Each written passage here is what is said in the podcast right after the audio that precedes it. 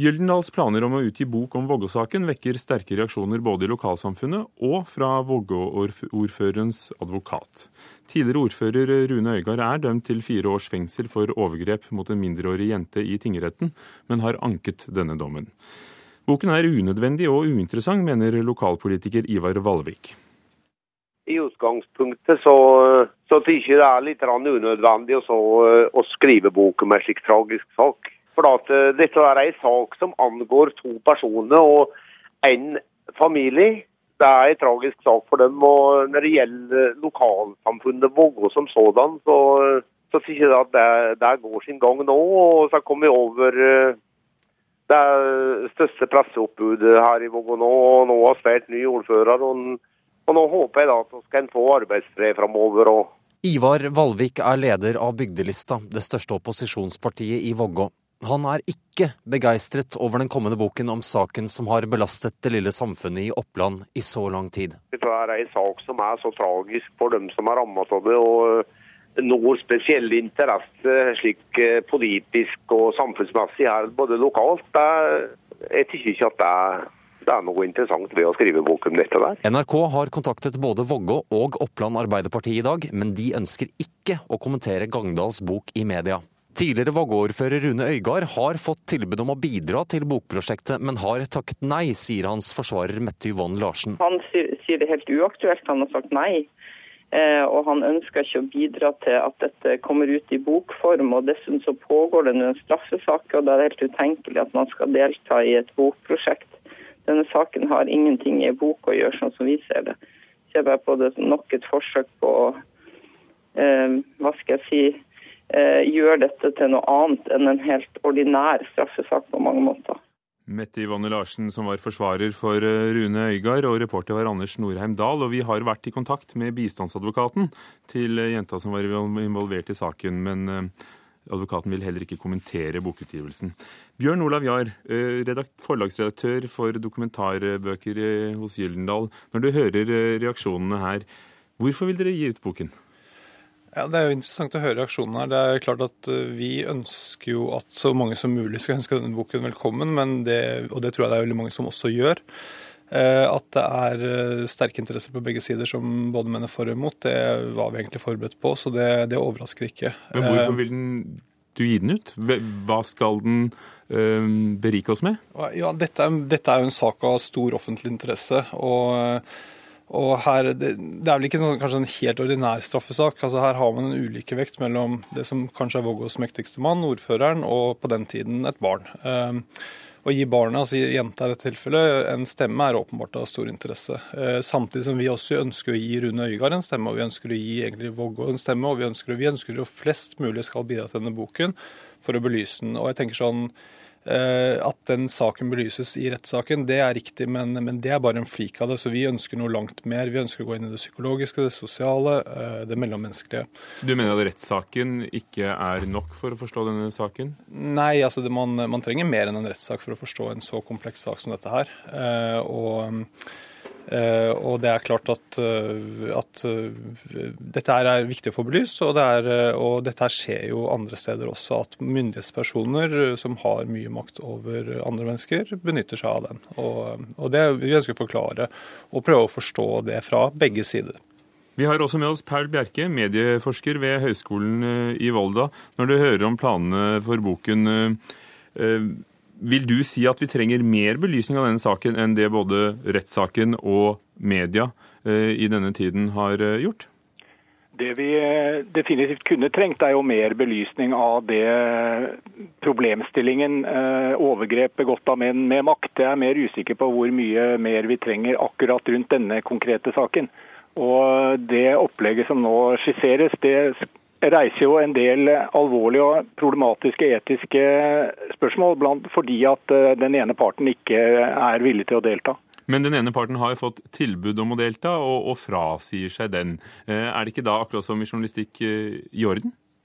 Det er jo på et vis i orden, men det løser jo ikke det grunnleggende problemet. Nemlig at eh, man da skal forfatte en eh, bok om, en eh, problem, om et problem hvor den ene parten ikke vil bidra, og man da nødvendigvis får et, et skjevt kildetilfang.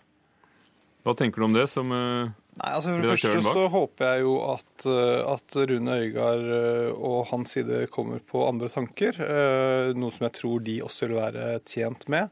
Når det er sagt, så har jo, så har jo denne saken vært mer forhåndsprosedert fra den siden kan du si, enn fra den andre siden. Så, så, at ikke, så at ikke denne siden får en stemme i saken, det vil være veldig feil å si. Altså her, her vil man klare å gi alle parter en stemme. Fordi eh, forfatter Jon Gangdal, eh, forfatter og journalist som dere har hyret inn til å skrive denne boken, eh, han skal da referere, tenker du, til hva som er kommet frem i, i media? Det, det vil jo også være en naturlig del av oppgavene. Eh, og det er klart at Vi er jo strålende fornøyd med å ha fått Jon Gangdal på laget. Altså, Jon Gangdal er mannen bak den Kristoffer-boka, eh, som, som, jo har gått, eh, som jo er en fantastisk godt løst bok.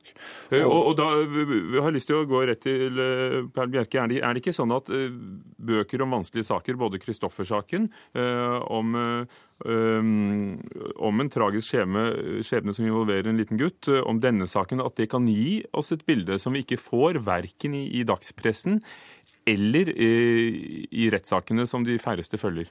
Det er riktig, men det peker på en annen, eh, et annet problem, nemlig at eh, journalistikk mellom eh, permer i langformat er ikke underlagt noen form for etisk regelverk og etisk kontroll i gåstein.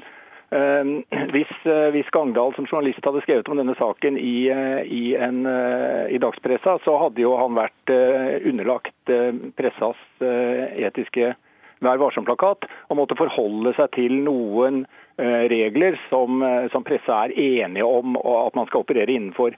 Og Hvis eh, personer som da blir omtalt på en måte som de oppfatter som krenkende eller sårende eller gal, så, eller lignende, så kan de da altså klage dette inn for en nemnd som, som tar stilling. og Dette er et enkelt og ubyråkratisk system. og en og, og skaper noen etiske rammer som det, er, som det er enighet om. Eh, En slags selvsensur som pressen jo har pålagt gjennom denne Vær varsom-plakaten. og den Debatten kommer hver gang det er kontroversielle biografier. Men Paul Bjerke, vil dere, eh, vil dere tillate dere å gå utenom det som eh, pressen ville gjort? Ja, det spørsmålet var, var vel Ja, nei, Jeg mente egentlig til Bjørn Olav Jahr, ja.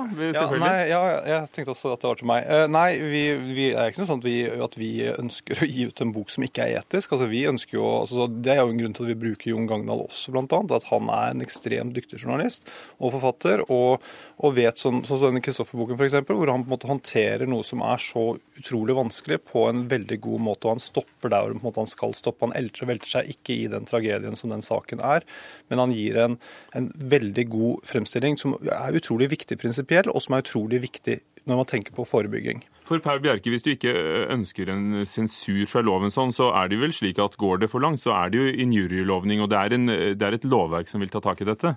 Ja, og Det er nettopp poenget. at Jeg ønsker ikke at bøker skal behandles i domstolen. Eh, Jeg ønsker at eh, det skal finnes en ordning der, eh, der der de som blir rammet av omtale i sakprosabøker, har en enkel og ubyråkratisk og i og for seg ikke ytringsfrihets...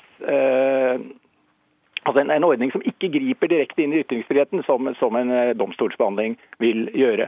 Bare for å ta et eksempel fra den boka 'En norsk tragedie' om Anders Behring Breivik, som kom ut nå eh, i høst.